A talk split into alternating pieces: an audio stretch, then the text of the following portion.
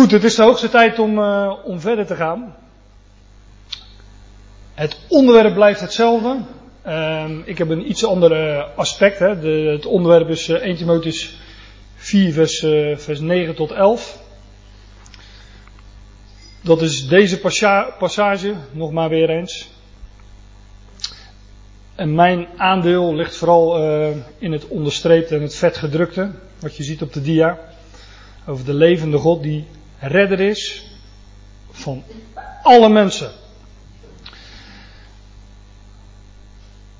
Alle mensen, ik weet niet of je daar wel eens over nagedacht hebt, maar dat zijn er heel erg veel. Alle mensen, wat zijn dat er veel? Ik heb eens op, uh, op internet zitten zoeken hoeveel dat er dan zijn. Ik bedoel, uh, ja, wij leven nu op deze aarde met uh, ongeveer 7 miljard, heb ik begrepen. Maar er zijn natuurlijk al heel wat tijdperken voor ons geweest en heel wat mensen voor ons. Dus ik heb eens op internet zitten zoeken, maar om daar nu een, een antwoord op te krijgen, dat is, dat is toch wel lastig. Over het algemeen gaat men ervan uit dat de mens 200.000 jaar geleden is ontstaan. Nou ja, ik heb een wat andere eh, invalshoek, dat zal ik straks laten zien. Ik geloof dat de mens eh, ontstaan is bij eh, ontstaan, geschapen is. En dat Adam daar de eerste van was en dat is eh, ja, zo ongeveer 6000 jaar geleden. Maar het zijn in ieder geval heel erg veel. En sommigen zeggen ja, dat dat ligt boven de 100 miljard. Anderen zeggen nou het is 50 miljard. Maar hoe dan ook, het blijven er veel. Als je. Ja, ik kom wel, ik kom wel op plekken waar, uh, waar veel mensen bij elkaar zijn. Hè, een concert of een, uh, een voetbalwedstrijd. Dan zitten daar misschien wel. nou, ik was pas in de Ziggo Dome. Daar zitten ongeveer 17.000 mensen, heb ik begrepen. In een, in een stadion in de grotere stadions in Nederland zijn dat er 50.000. En dan denk ik altijd al van wow, wat een mensenmassa. Maar hier hebben we het niet over 50.000 of over uh, 500.000. Nee, hier gaat het om miljarden. En dat is natuurlijk, uh, ja, dat is voor ons onvoorstelbaar. Maar God is de redder van al die mensen. Toch wil ik het uh, vanmiddag enigszins versimpelen en het terugbrengen naar twee. Twee mensen gaan we het over hebben. Adam, de eerste mens. En Christus, de laatste Adam. En dat doe ik met een reden. Ik doe dat ik wil, ik wil het terugbrengen, ik wil het versimpelen, vereenvoudigen, daar kom ik ook nog op, want uiteindelijk is alles terug te brengen tot de ene. Maar ik doe dat omdat de schrift dat ook doet. God is de redder van alle mensen. En Paulus, um, om, om, Paulus die onderbouwt dit in zijn, uh, in zijn brieven. Uh, een aantal keren met een vergelijking te stellen, een vergelijking te maken tussen Adam en Christus. Hij zegt bijvoorbeeld in, uh, in Romeinen 5 dat Adam een voorbeeld is van hem die komen zou. Adam is een, uh, een beeld, een voorbeeld van Christus. Hij is een type van Christus. Dit Griekse woord, typos, betekent type. Hier vertaald met voorbeeld. En uh, dit is een printje uit de, de interlineair ISA. Ja, daar zijn wat, wat woorden voor. Een model, een type. Dat, het is letterlijk afgeleid van slaan. Hè. Slaande, dat heeft met een, uh, hebben ook een woord voor. Een mal heeft dat te maken mee te maken. Maar Adam staat model voor Christus. Hij is een mal van Christus, zou je kunnen zeggen. Hij is een, uh, een afdruk van Christus. Kijk, die, die mal, dat, uh, Ehm, daar hebben we tal van voorbeelden van. Vaak wordt een mal gebruikt om, om iets te maken. Ehm, dat begint al op een jonge leeftijd in de zandbak. Dan hebben we vormpjes en daarmee maken we vormen. En dat doen we met zo'n vorm, met zo'n mal. Nou, Adam is een beeld, een voorbeeld, een type van Christus. En ik wil, uh, ja, in ieder geval, uh, ik, ik, wil twee schriftplaatsen voor het voetlicht uh, brengen en daar de spotlight op zetten. Waarin Paulus die vergelijking maakt tussen Adam en Christus. Hij doet dat bijvoorbeeld in, in 1 Korinthe 15. Daar ga ik als, als eerste naartoe. André verwees daar in zijn toespraak ook al even naar. In 1 Korinthe 15, in vers 20, daar zegt Paulus dit.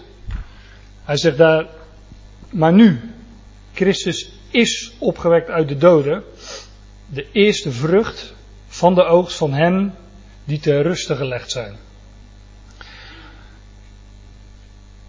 Het betoog van de apostel Paulus in, uh, in 1 Korinthe 15 handelt over opstanding, over levendmaking. En uh, het hele betoog schrijft Paulus naar aanleiding van het feit dat er onder de Corinthiërs sommigen waren die zeiden dat er geen opstanding is.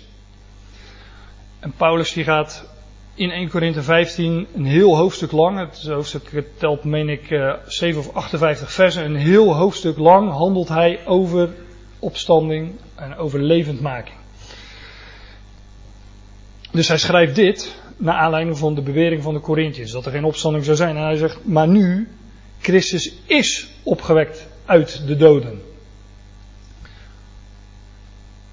Uh, Christus is opgewekt uit de doden. Dat betekent dat Christus van tussen de overige doden uit opgewekt is. Alle doden zijn nu nog in het graf, maar er is er één die is opgewekt en dat is Christus. En dat betekent dan ook uh, opstanding of opgewekt zijn uit de doden. Ik herinner me nu dat we daar uh, ook wel eens een, een, conferentie over gehandeld hebben. Maar daar gaat het dus over. Opgewekt uit de doden, met, met achterlating van de overige doden. En hij is de eerste vrucht van de oogst van hen die ter ruste gelegd zijn. Andere vertalingen hebben ontslapen. De Statenvertaling heeft dat ook, meen ik. Hij is de eerste vrucht van de oogst van hen die ontslapen zijn. Daar gaat het ook over. Hè? Wat ik al zei, de overige doden zijn nog in het graf. En Christus is opgewekt uit de doden. En dat ter ruste gelegd zijn, dat is natuurlijk wel een, eh, een mooie weergave. Net als ontslapen is dat overigens ook, want eh, de doden zijn ontslapen, zijn ter ruste gelegd. Totdat zij gewekt worden. Totdat zij opgewekt worden. Nou, als wij op, vanmorgen opgewekt werden uit de slaap, zo zullen alle doden uit die doodslaap opgewekt worden. De eerste vrucht van de oogst staat hier. Hij is, Christus is opgewekt uit de doden en is de eerste vrucht van de oogst van hen die ter ruste gelegd zijn. Andere vertalingen hebben eersteling. Dat betekent niet zomaar alleen maar eerste. Um, deze, dat, dit woord eersteling, dit verwijst naar de, uh, ja, naar de, naar de, de zaak omtrent de oogst. Hè, onder het uh, oude verbond waren de hoogtijden des heren ook rond die oogsten georganiseerd. Bij de oogst, als de oogst nog niet klaar was, dan werd er gezocht naar de eerste vruchten en die eerste vruchten, dat waren de eerste lingen. De eerste ling, de eerste lingen. En die werden bij elkaar verzameld. En die werden geofferd aan de Heer. Dus dat zijn de eerste lingen. Dit woord eersteling, eerste vrucht van de oogst. Ik zal die, uh, zal die termen wel door elkaar gebruiken. Het een is gewoon uh, het ander. Eersteling is de eerste vrucht van de oogst. Dit woord eersteling is in dit verband erg belangrijk. Omdat het gaat hier over de eerste ling, Christus, die is opgewekt uit de doden. Wij kennen uit de, uit, de, uit de schrift, uit het Oude Testament, maar ook uit de Evangelie, kennen we diverse voorbeelden van doden die opgewekt werden. we vinden het al bij, bij Elia en Elisa. Maar bijvoorbeeld ook bij, bij Lazarus, die door de Heer Jezus wordt opgewekt. De jongeling van Nain. Het dochtertje van Jairus. Nou, er zijn er vast nog meer. Maar zij ontvingen dit oude leven terug. Waarvan, uh, waarvan André zei van ja, dat noemen wij wel leven, maar eigenlijk is het een, uh, is het een sterven. Maar hier gaat het over het leven dat de eersteling Christus ontving. Hij is opgewekt uit de doden. Hij ontving leven, en niet dit oude leven ontving hij terug, nee, hij ontving onvergankelijk leven. Romeinen 6 zegt daarvan, dat is leven dat de dood achter zich heeft. Christus sterft niet meer.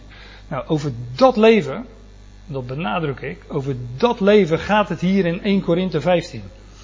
Daar is Christus de eerste ling van, de eerste vrucht van de oogst. En dat is ook leven waarvan, uh, ja, waarvan verderop in uh, vers 42 en 43 van, de, van hetzelfde hoofdstuk wordt gezegd. Dat is leven in onvergankelijkheid. Opgewekt in onvergankelijkheid, in heerlijkheid en in kracht. Oftewel onvergankelijk leven, leven dat de dood achter zich heeft. En daarvan is Christus de eersteling. En daarover gaat het hier dan ook in 1 Korinthe 15. Daar is hij de eerste vrucht van, uh, van de oogst van. Dan staat er, want omdat namelijk de dood er is door een mens of één mens. Zo is ook de opstanding van doden door een mens of één mens. Want omdat namelijk zo is ook. Hier gaat Paulus al uh, van start met een, uh, met een logische redenering, met, met het stellen van vergelijkingen. En daar gaat hij straks mee verder. En ik zal straks ook nog naar Romeinen 5 gaan, waar Paulus het ook doet. Dus hier begint Paulus, ja, weer moet ik eigenlijk zeggen, een logische redenering. Want hiervoor had hij al aangegeven, ja, onder jullie zijn er sommigen die zeggen dat er geen opstanding van doden is. Nou, toen, ging hij ook, uh, toen, ging hij, toen trok hij ook wat logische conclusies. Toen zei hij, nou, als er geen opstanding is, is Christus niet opgewekt, zijn jullie nog in je zonde en ben je dus, uh, gingen dan ook verloren die in Christus ontslapen zijn. Want die worden dan ook niet meer opgewekt als er geen opstanding van doden is. Hele logische redeneringen die Paulus hier uh, naar voren brengt. En dat doet hij ook uh, in deze verse. en deze vergelijking is eigenlijk de inleiding tot een nog veel krachtigere vergelijking. Want die komt in het volgende vers, in vers 22. Hier staat, omdat namelijk de dood er is door een mens, zo is ook de opstanding van doden door een mens. Want, net zoals in Adam allen sterven, zo zullen ook in Christus allen levend gemaakt worden. André had net een voorbeeld van een uh, bepalend lidwoord wat er niet stond en dat had hij tussen haakjes gezet. Uh, hier staat het niet in de vertaling, maar wil ik erop wijzen dat het in de grondtekst uh, er wel staat. Zoals in de Adam, allen sterven, zo zullen ook in de Christus allen levend gemaakt worden. Zodat er geen misverstand over is en kan zijn over wie het hier gaat. Het gaat hier over Adam, die wij kennen eh, vanuit de eerste hoofdstukken van de schrift. En daarna nog eh, vaak aangehaald wordt. Maar, en over Christus, die, eh, de Christus, die de laatste Adam, laatste Adam genoemd wordt. De Adam, de Christus. in één mens. De dood is er door één mens. Zo ook is de opstanding van doden er door één mens. Um, ja, dat moet ik er ook bij zeggen. Hier staat, laat ik ook zeggen wat er niet staat. Er staat niet, zoals allen in Adam sterven, zo zullen ook allen die in Christus zijn levend gemaakt worden. Dat staat er niet.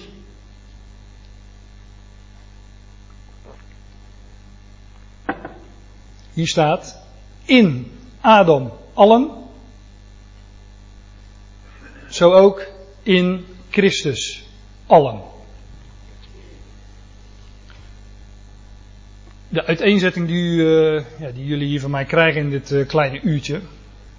Ik sta hier niet om een, uh, om een mooi verhaal te houden of een mooie preek. Um, ik, het enige wat ik wil laten zien is dat, dat wat Paulus hier zegt, dat wil ik duidelijk maken, dat wil ik accentueren. Zodat u aan het eind zegt van ja, oké, dat staat er dus.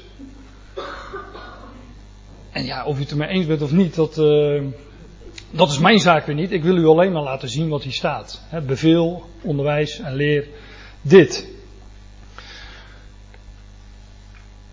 Net zoals in Adam alle sterven, zo zullen ook in Christus allen levend gemaakt worden. Het is een vergelijking. Zoals het een, zo is ook het ander. Want net zoals, zo zullen ook. Kijk, en deze vergelijking, en ook die andere vergelijking waar ik straks nog naartoe ga, die maakt die waarheid zo duidelijk, zo messcherp, dat je er niet omheen kunt zonder de boel te verdraaien. En ja, allerlei vertalingen die proberen dat dan ook. En als men er niet omheen kan, dan zijn er wel uh, toelichtingen en, uh, en allerlei mensen die er iets anders van maken, maar we kijken nu gewoon alleen maar wat er staat. Wat staat hier geschreven? Nou, hier staat net zoals in Adam alle sterven, zo zullen ook in Christus alle levend gemaakt worden. Een vergelijking. De vergelijking kent een overeenkomst. Net zoals in, in die ene mens, want de dood is er door één mens en de opstanding van dood is er ook door één mens, was vers 20. Maar net zoals in Adam allen, zo zullen ook in Christus allen. Allebei in die ene mens, allen. Het is een parallel. Het loopt gelijk.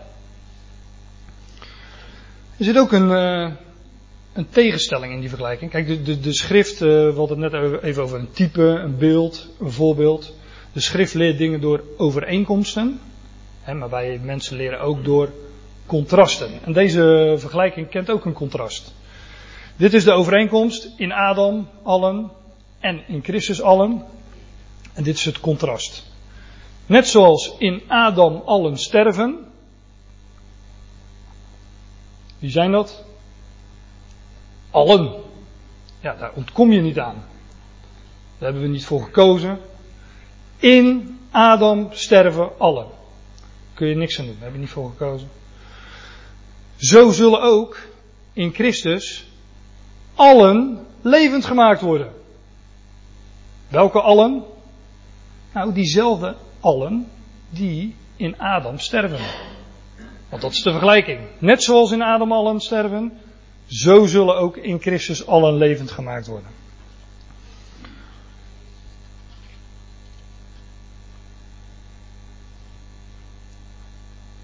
Hoe zullen alle levend gemaakt worden? Dat is natuurlijk de vraag. Uh, André die haalde dat ook wel even aan. Hè, uit, uh, dat, dat, dat, uh, dat haalde hij uit 1 Korinthe 15. De laatste vijand, de dood, wordt buiten werking gesteld. Teniet gedaan. Dus net even welke vertaling je hebt. Overigens is dit een, een preview hè, verderop in, in dit is vers 22 waar, waar ik zojuist was. Hè. Dit is vers 26, dus het is vier versen verder. De laatste vijand, de allerlaatste vijand die overwonnen zal worden, sterker nog, die teniet gedaan zal worden, tot niets maken. Dat is hetzelfde als buiten werking stellen, wat hier staat. Hè.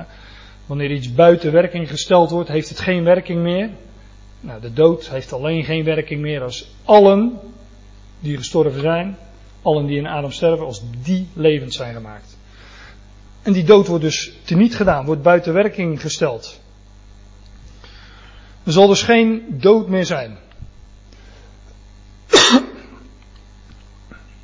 Ga ik verder in het, gewoon in het volgende vers, vers 23 van 1 Korinthe 15. Maar ieder in zijn eigen rangorde. De eerste vrucht van de oogst, of de eerste ling, Christus. Vervolgens zij die van Christus zijn in zijn aanwezigheid. Het gaat hier dus over de, dat, nogmaals, het gaat hier over levendmaking, over allen die in Adam sterven, die zullen in Christus levend gemaakt worden, diezelfde allen. Dat zal gebeuren in een rangorde. Nou, dat staat hier al, want uh, de eerste vrucht, de eerste ling, Christus, hij is al levend gemaakt. Dus er is sowieso al een, uh, een volgorde. Hij is de eerste. Dit gaat dus over levendmaking. Het gaat niet over. Uh, het, gaat, het gaat ook niet over een opstanding ten oordeel. Ik moet wat snel door deze versen uh, heen. Ik zat van de week terug te kijken. Ik heb ooit wat Bijbelstudies over 1 Korinthe 15 gegeven. En toen heb ik over vers 20 tot 28 heb ik ongeveer drie zondagochtenden gedaan. En op zondagochtend heb ik twee keer zoveel tijd als dat ik, dat ik nu heb gekregen. Dus ik moet wat snel door die dingen heen. Nou ja, André heeft ook wat voorzetjes gegeven. Maar sommige dingen noem ik alleen, daar kan ik niet, niet, niet ver en niet diep op ingaan. Maar dit gaat niet over een opstanding ten oordeel. Hè, zoals we lezen in, even mijn aantekening kijken, Johannes 5 vers 29 bijvoorbeeld. Of uh, misschien een bekender, uh, bekender gedeelte, Openbaring 21, waar het gaat over de grote witte troon. Daar staan mensen voor de grote witte troon die daarna in de tweede dood terechtkomen. Daar is dus nog de dood. Staat ook, de doden stonden voor, uh, dat de, de doden voor die troon staan. Nee, hier gaat het niet over zij die nog zullen sterven. Hier gaat het over levendmaking zoals de eersteling Christus. Paulus, zo laat ik het zo samenvatten, Paulus ziet hier in 1 Korinthe 15 verder dan de apostel Johannes in openbaring 21 en 22. Zoals André in het plaatje liet zien, de toekomende aion, de duizend jaar, daarna de aion van de nieuwe hemel en de nieuwe aarde. Uh, en daar sluit het boek Openbaring, maar Paulus ziet daar overheen. Paulus ziet verder. Maar ik moet ook verder. En ieder in zijn eigen rangorde. De eersteling, de eerste vrucht van de oog, Christus. Vervolgens zij die van Christus zijn in zijn parousia. Dus de eerste, eerste ling is Christus. En vervolgens die van Christus zijn. Degene die van Christus zijn in zijn parousia. Uh, in zijn aanwezigheid. Parousia is het Griekse woord.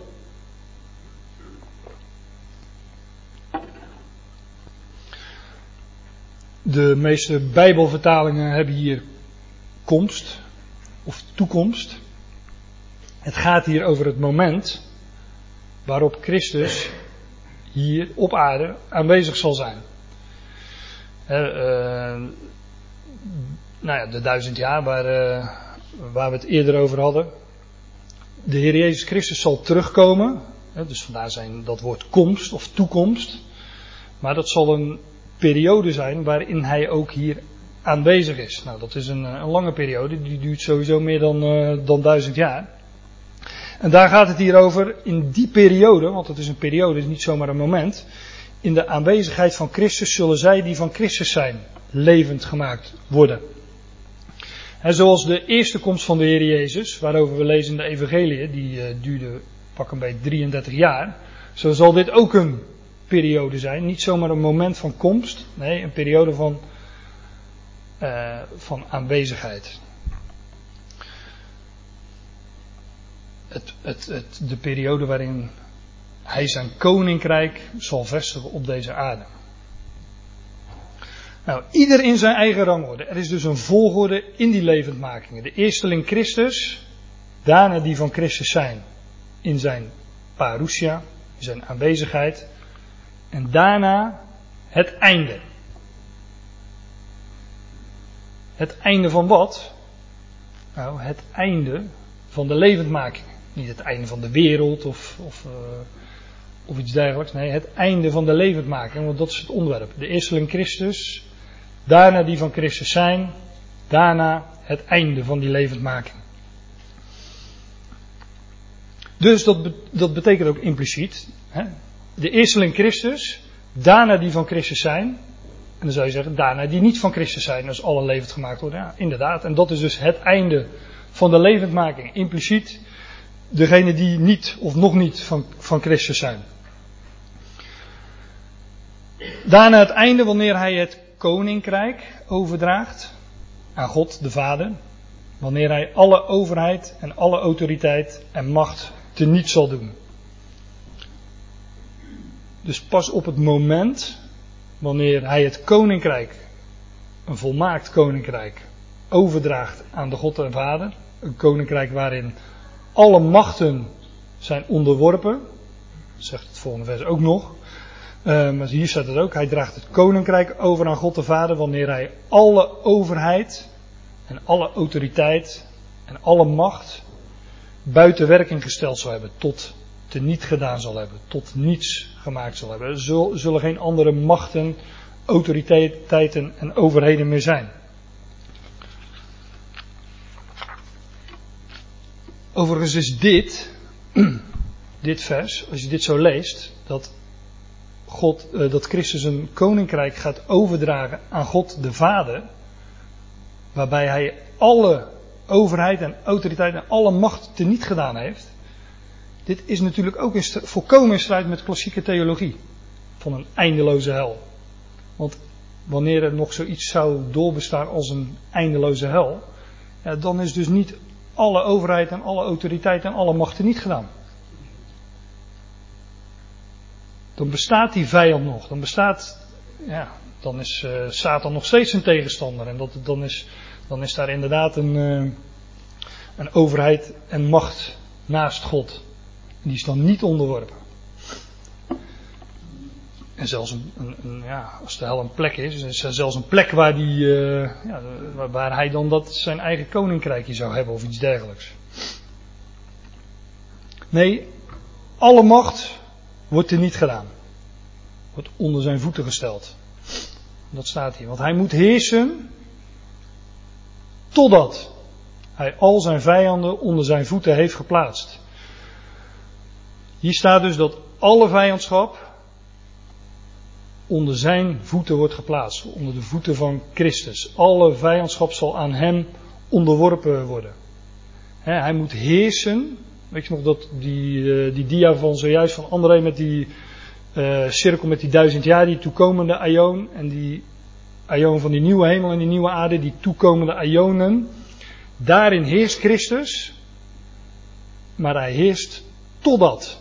En ook in die aion, aionen, zijn daar nog vijanden uh, die onder de voeten geplaatst moeten worden. En tot die tijd zal Christus heersen. Want hij moet heersen totdat hij alle vijanden onder zijn voeten heeft geplaatst. En in openbaring 22, het slotstuk van, uh, van openbaring, het slothoofdstuk en ook het, uh, het laatste hoofdstuk van onze Bijbel. In openbaring 22 en 21 is dit nog niet het geval. Is, zijn nog niet alle zijn vijanden onder zijn voeten geplaatst. Je leest daar nog over de tweede dood die er nog is, over de heidenen die uh, genezing nodig hebben door, uh, via het uh, geboomte des levens. Daar valt natuurlijk veel meer over te zeggen, maar ik zei al, ik kan nu alleen een paar dingen noemen. En de belangrijkste dingen in verband met dit onderwerp noem ik dan ook. hij moet heersen totdat hij al zijn vijanden onder zijn voeten heeft geplaatst.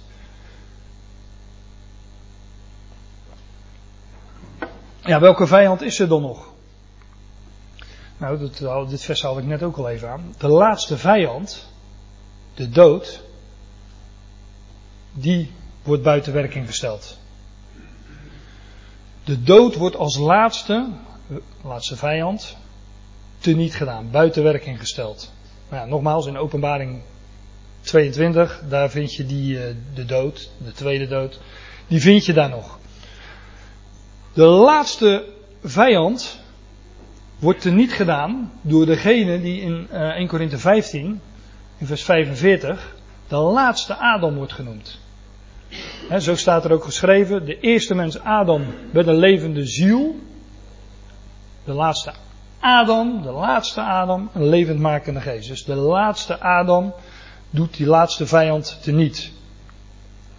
De, de, de eerste Adam, die wij kennen uit, uh, uit, de, uit de eerste hoofdstukken van de Bijbel, hè, die, die Adam, die introduceerde de dood in deze wereld. En Romeinen 5 zegt daarvan ook, hè, en die dood is tot alle mensen doorgegaan. Die eerste Adam werd een levende, tussen aanhalingstekens, ziel. Daarin ligt de dood al besloten, hè, want we gooien nu wel heel wat uh, theologie uh, schuif aan de kant, maar de mens heeft geen onsterfelijke ziel, want de ziel die zondigt, die sterft, die zal sterven. Nou, Adam met een levende ziel, maar door het zo te formuleren, ja, weet je eigenlijk al dat, uh, uh, dat dat geen werkelijk leven is, maar dat, uh, dat, ook hij, dat ook hij zo stevig. Hij werd een levende ziel, maar dat was de eerste Adam en hij introduceerde de dood in deze wereld. Maar de laatste, in deze mensenwereld, de laatste Adam, hij is ook niet de tweede Adam, nee, hij is de laatste, dat wil zeggen de definitieve Adam alles wat Adam, waar Adam niet toe in staat was, hè, de, deze wereld onderwerpen en heerschappij hebben over de vissen, de vogels enzovoorts. Dat kon hij niet, maar de laatste, Adam, hij zal dat wel doen. Hij is de definitieve, hij zal de dood teniet doen en allen levend maken. Namelijk allen die in Adam sterven. Die zullen in hem, in de laatste Adam levend gemaakt worden. De laatste vijand, de dood, wordt er niet gedaan, wordt buiten werking gesteld. Want hij onderschikt alles onder zijn voeten. Maar wanneer hij zegt dat alles onderschikt is, is het duidelijk dat het uitgezonderd hem is die alles aan hem onderschikt. Ja, dat lijkt een wat lastige zin. Komt misschien ook wel door de lengte. Maar dat valt op zich wel mee. Wat hier staat is dat God alles onder de voeten van Christus onderschikt, onderwerpt. Maar dat wanneer hij zegt, wanneer God zegt dat alles onderschikt is, is het duidelijk dat hij, of dat het uitgezonderd hem is, namelijk God zelf, die alles aan Christus onderschikt. Nou ja, zou hem eigenlijk een paar keer moeten lezen. Maar ik maak het jullie makkelijk.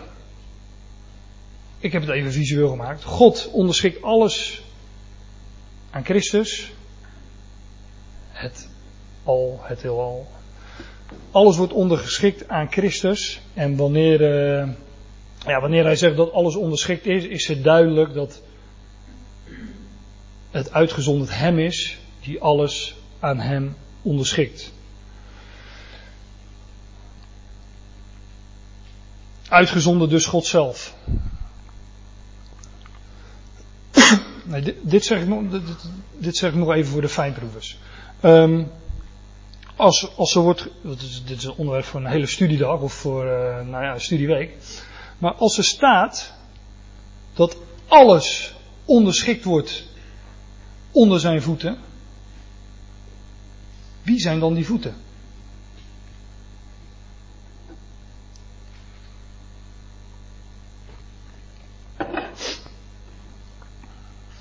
Wij zijn als gelovigen is een waarheid die Paulus bekend maakt. Het lichaam van Christus. De voeten behoren tot het lichaam. En God zal dus alles onderschikken onder hoofd en lichaam. Dus onder zijn voeten. Maar Paulus is degene die bekend maakte dat Christus niet slechts één persoon is, maar dat het bestaat uit een gezelschap, namelijk hoofd en lichaam. Dan zal het hier uh, wellicht niet zo duidelijk zijn, maar uh, Paulus, uh, dit is een aanhaling uit Psalm 110, dat alles ondergeschikt wordt onder zijn voeten.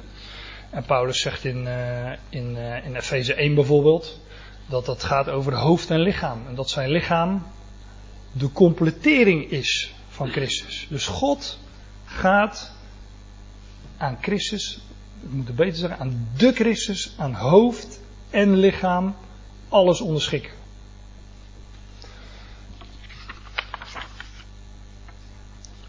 Hij onderschikt alles onder zijn voeten. Maar wanneer hij zegt dat alles onderschikt is, is het duidelijk dat het uitgezonderd hem is die alles aan hem onderschikt.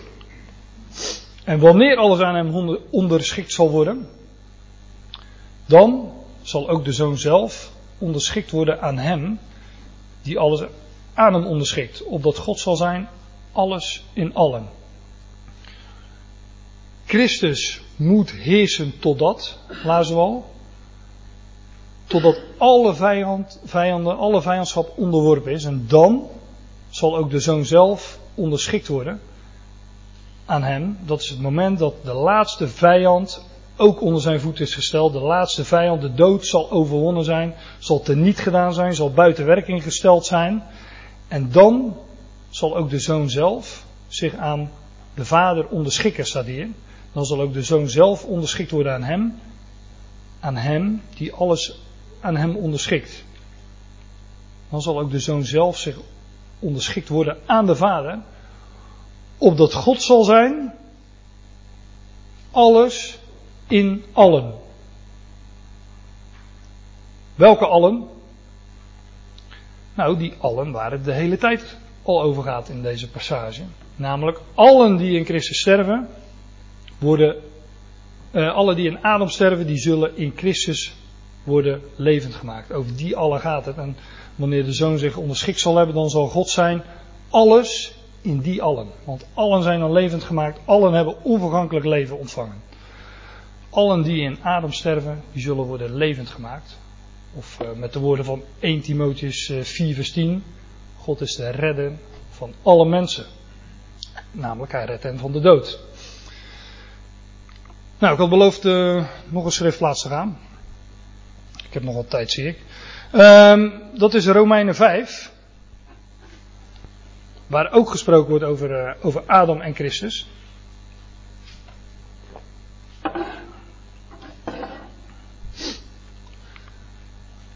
Ja, daar staat het volgende. Maar dat, uh, ja, dat, dat zie je gelijk aan, uh, aan, de eerste, aan de eerste uitspraak. Dus dan. Hè, dat verwijst natuurlijk naar het, uh, naar het voorgaande. Um, en het is ook, ook een conclusie uit het voorgaande. In het voorgaande brengt Paulus naar voren. Um, dat de dood door één mens de wereld is binnengekomen. En dat uh, dat, dat die dood is, ook tot alle mensen is, uh, is doorgegaan. Dat is vers 12. Als ik het moet samenvatten wat hij daarvoor zegt, maar dat gaat hij hier ook zeggen, is Christus is meer dan Adam. Christus is meer dan Adam. Dat gaat hij hier, uh, ja, dat heeft hij dus al, uh, al voren gebracht, maar dit is de conclusie de samenvatting. En uh, ja, hier wordt het uh, samengevat en geconcludeerd. Ook hier weer onontkoombaar, onweerlegbaar en messcherp. Zoals er door één misstap voor alle mensen tot veroordeling is. Zo is het ook door één rechtvaardige daad voor alle mensen tot rechtvaardiging van het leven. Nou ja, we weten wie die ene misstap uh, maakte, dat was Adam, ons aller voorvader. Eén misstap, door die ene misstap komt het voor alle mensen, is het voor alle mensen tot veroordeling. Zo is het ook, zo is het ook, weer die vergelijking, zo is het ook, door één, nu geen misstap, maar een goede stap, een rechtvaardige daad, voor alle mensen tot rechtvaardiging van het leven. Ook hier gaat het weer over, uh, ja, over, uh, over, uh, over één daad en over, over, over één en over, uh, over leven en over alle mensen. Ik heb dat weer ja, geaccentueerd, dingen naar voren gehaald om, om dat even scherp te stellen. Dus dan Zoals het door een misstap voor alle mensen tot veroordeling is, zo is het ook door een rechtvaardige daad voor alle mensen tot rechtvaardiging van leven. Weer dus zo'n vergelijking. Weer dus die vergelijking tussen Adam en Christus. weer een overeenkomst. Zoals ze door één misstap, dat is één, zo ook door één rechtvaardige daad. dat is dus de overeenkomst. Het is allebei, het is beide door één. Het contrast is natuurlijk weer de misstap en de rechtvaardige daad. Die zaken worden gecontrasteerd.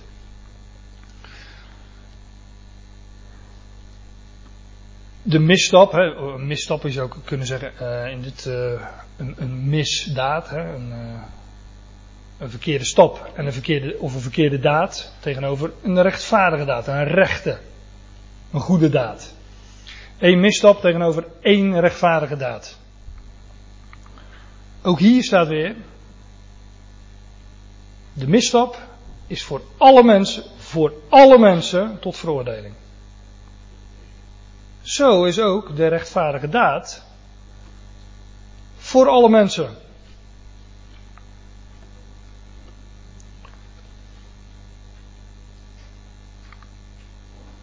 Het contrast weer. Eén misstap voor alle mensen tot veroordeling. En zo ook één rechtvaardige daad voor alle mensen tot rechtvaardiging van leven. Wie hebben er allemaal uh, deel aan die misstap van Adam? Nou, dat is voor alle mensen tot veroordeling. Nou, zo is het ook. Door die ene rechtvaardige daad van die ene, de Heer Jezus Christus, voor alle mensen tot rechtvaardiging van leven.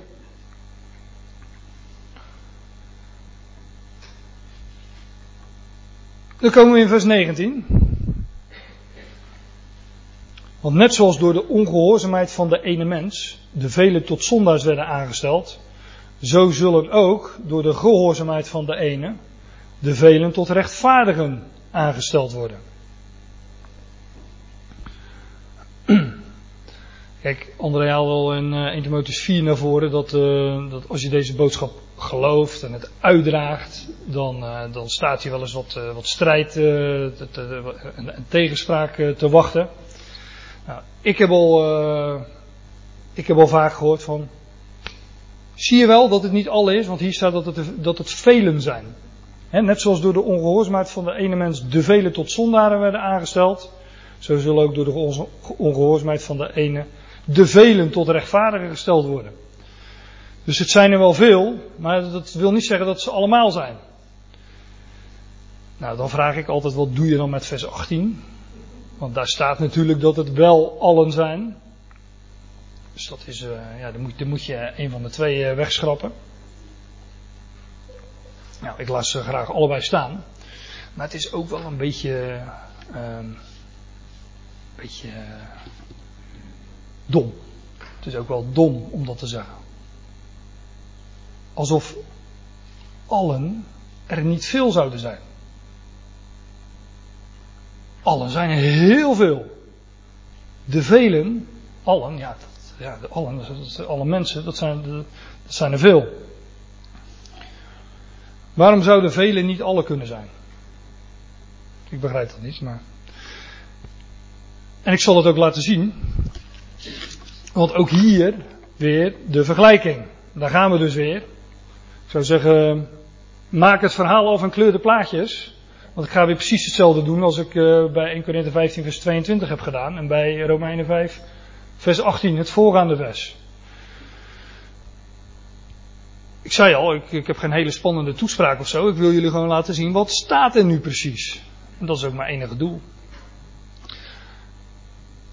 Net zoals door de ongehoorzaamheid van de ene mens de velen tot zondaars werden aangesteld, zo zullen ook, weer die vergelijking, dus Net zoals, zoals met het een, zoals ook met het, zo ook met het ander.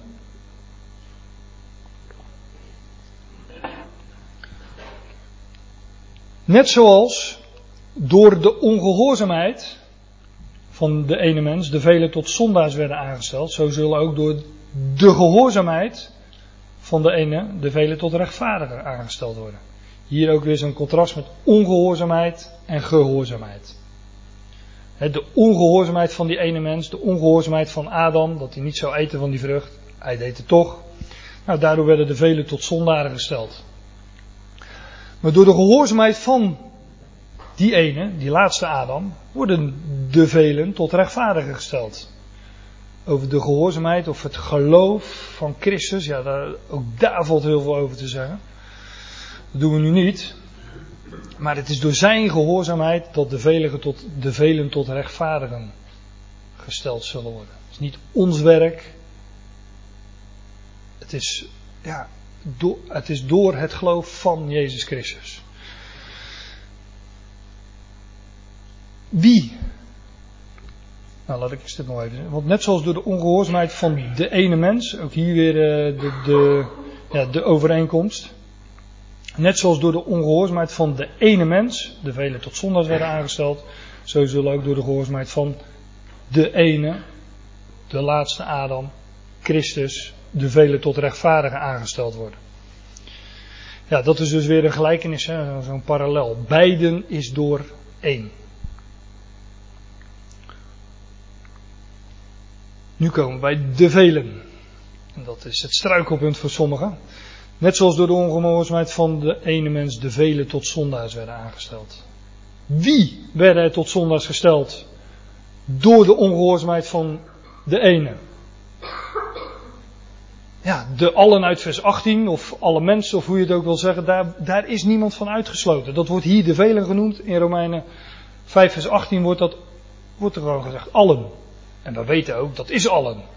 Maar uh, ik, ik, ik, zal straks laten zien waarom Paulus dan uh, dit vers 19 uh, nog toevoegt aan zijn betoog. Want je zou zeggen, ja, met vers 18 uh, was het toch wel duidelijk. Nou, hier is het ook duidelijk. Door één mens werden de velen tot zondaars aangesteld, daar is niemand van uitgezonderd.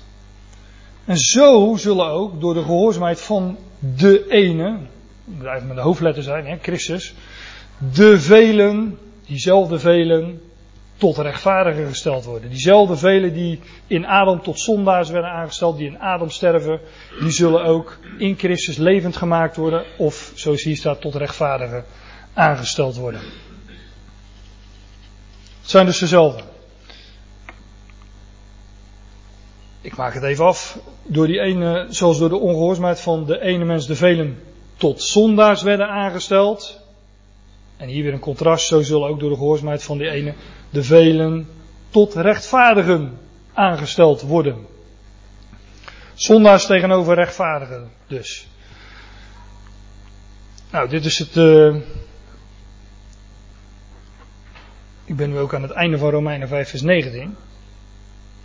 Maar ik wil toch nog een vraag nog, uh, nog beantwoorden die, uh, die je zou kunnen hebben naar aanleiding van dit vers.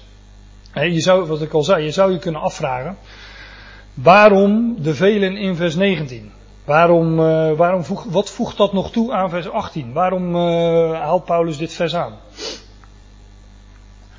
Voor de Bijbelkenners die weten dat dit een aanhaling is van Paulus uit Jesaja 53.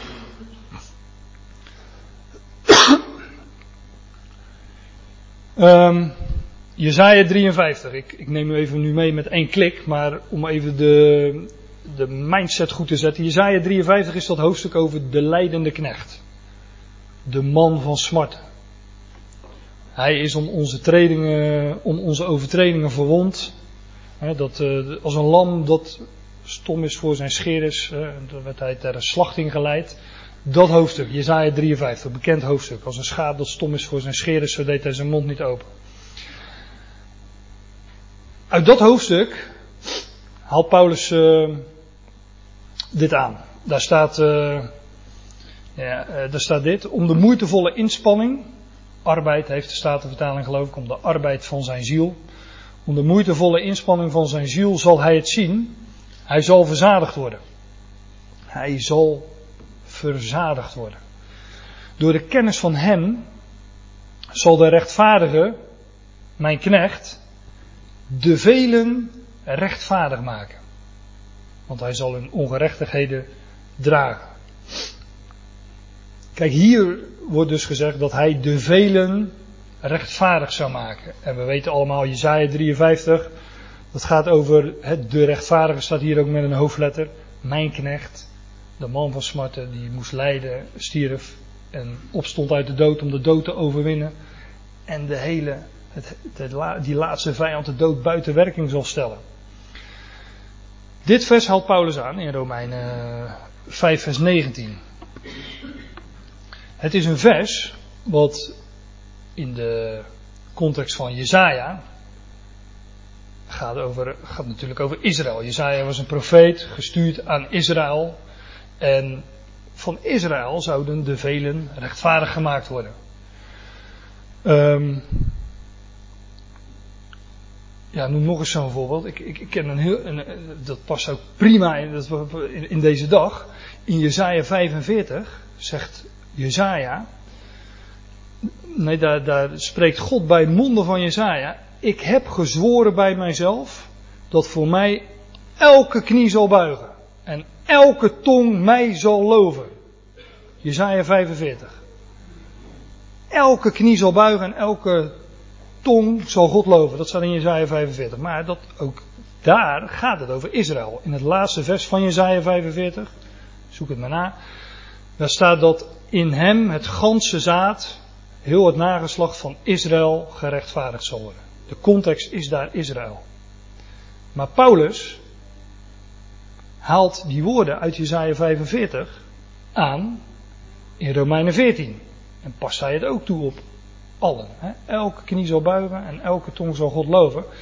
En sterker nog, in Filippenzen 2 haalt hij die woorden ook aan. En daar voorziet hij het van commentaar. Dan zegt hij dat elke knie zal buigen en elke tong zal God toejuichen of zal God van, zal van harte beleiden dat Jezus Christus Heer is. Elke knie zal buigen, elke tong zal beleiden dat Jezus Christus Heer is, tot eer van God de Vader. En daar zegt Paulus erbij, ook hij haalt die profetie uit Jezaja, maar het gaat over Israël en hij zegt, alles wat in de hemel, wat op de aarde en wat onder de aarde is. Hij geeft daar een universele toepassing aan. Aan die woorden die Jezaja, ja, Jezaja zag niet verder dan Israël. Hoewel, daar uh, valt wellicht ook nog wat op af te dingen, maar binnen die context.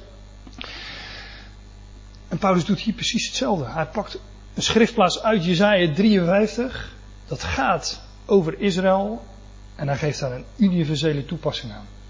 Hij zegt die velen van Israël, ja dat was toen nog verborgen, hij zegt dat zijn allen. Alle mensen gaat God rechtvaardigen. Dus in Romeinen 5 vers 18 ligt de nadruk op alle. In Romeinen 5 vers 19 ligt de nadruk erop dat het er veel zijn. En in Jesaja 53 tot verzadiging. Dat wat hij zich voor ogen had, dat zal hij ook, daarin zal hij verzadigd worden.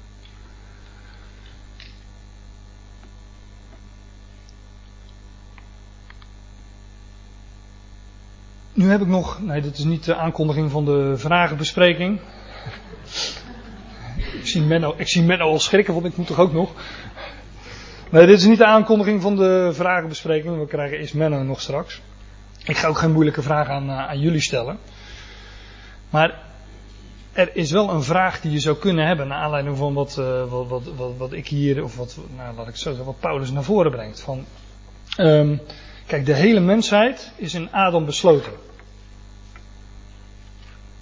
Als zondaren en als stervelingen. Door Adam zijn wij uh, stervelingen, daardoor zondaren. Dat begrijpen we allemaal.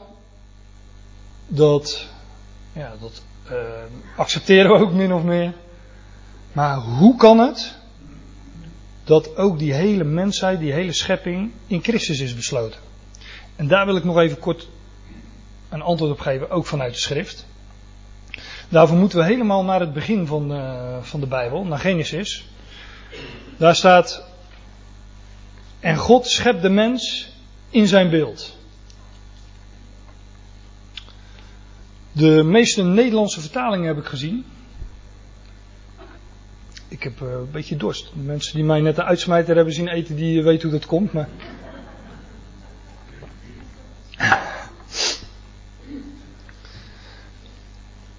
God schiep de mens in zijn beeld. In de meeste Nederlandse vertalingen staat naar zijn beeld. Ik, uh, van de week zat ik even in, uh, dat kan op internet vrij snel, had ik wat Engelse vertalingen, voor mij een stuk of 20, 25, waarvan bijna allen, alle vertalingen ook dit hebben. In zijn beeld. God schiep de mens niet naar de overeenkomst, nee, in zijn beeld. Dus in, hè, dat in, in, in, de in, in de schrift is ingesloten, inbegrepen. God schiep de mens ingesloten, inbegrepen in zijn beeld. God schiep Adam, daar gaat het over in Genesis 1. God schiep Adam in zijn beeld.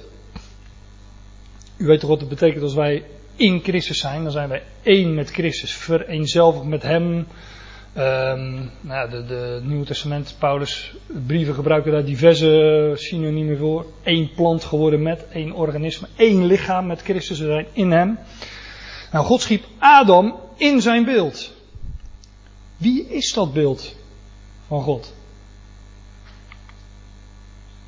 Daar geeft ook Paulus antwoord op. Paulus geeft antwoord. Het goede bericht van de heerlijkheid van Christus, die het beeld of de afbeelding is van de onzichtbare God. Christus is het beeld, de afbeelding van God. En God schiep Adam in zijn beeld. Toen God Adam schiep, deed hij dat in zijn beeld. Niet, ja, namelijk, ja, laat, hoe moet ik dat zeggen? In de laatste Adam, met het oog op die laatste Adam. In Christus werd, uh, werd Adam dus al geschapen, zou, zou je kunnen zeggen. Maar dat is wat prematuur als ik het zo zeg. Maar in ieder geval, in de laatste Adam. Dus Adam is niet het origineel. Adam is niet de eerste. Christus, de laatste Adam, hij is de eerste. Colossense 1, mijn laatste schriftplaats. Hij is de afbeelding, hier staat precies hetzelfde, hij is de afbeelding van de onzichtbare God. Er staat nog wat meer in. De eerstgeborene van de gehele schepping. Christus is het beeld van God. Ja, hij is, de, maar hij is, de, hij is dus de eerstgeborene van de gehele schepping. En dan staat er, want in hem, in hem, in hem wordt alles geschapen. Deze hele schepping ligt al besloten vanaf de aanvang in hem. Dus de waarheid is eenvoudig. Ik zei net helemaal in het begin, ja, alle mensen, dat zijn de miljarden. Dat ga ik, ga ik terugbrengen door de brieven van de apostel Paulus te laten zien. Uh, dat het over twee mensen gaat in die vergelijkingen. Maar uiteindelijk gaat het om één. De waarheid is eenvoudig. Alles ligt besloten in hem. Hij is het beeld, de afbeelding van de onzichtbare God, de eerstgeborene van de hele schepping. In hem is of wordt alles geschapen. Dan staat er een heel rijtje achter. Hè? Tronen, heerschappijen, overheden, machten. Alles is in hem en door hem geschapen. Zoals openbaring 22 ook zegt. Ik ben de alfa en de omega. Het begin en het einde. De eerste en de laatste. Of Paulus in Romeinen. Uit hem zijn alle dingen. alles is uit hem ontstaan. Door hem zijn alle dingen, alles heeft zijn bestaan in hem. En tot hem zijn alle dingen. Alles heeft zijn bestemming in hem. Hij is de redder van alle mensen. Amen.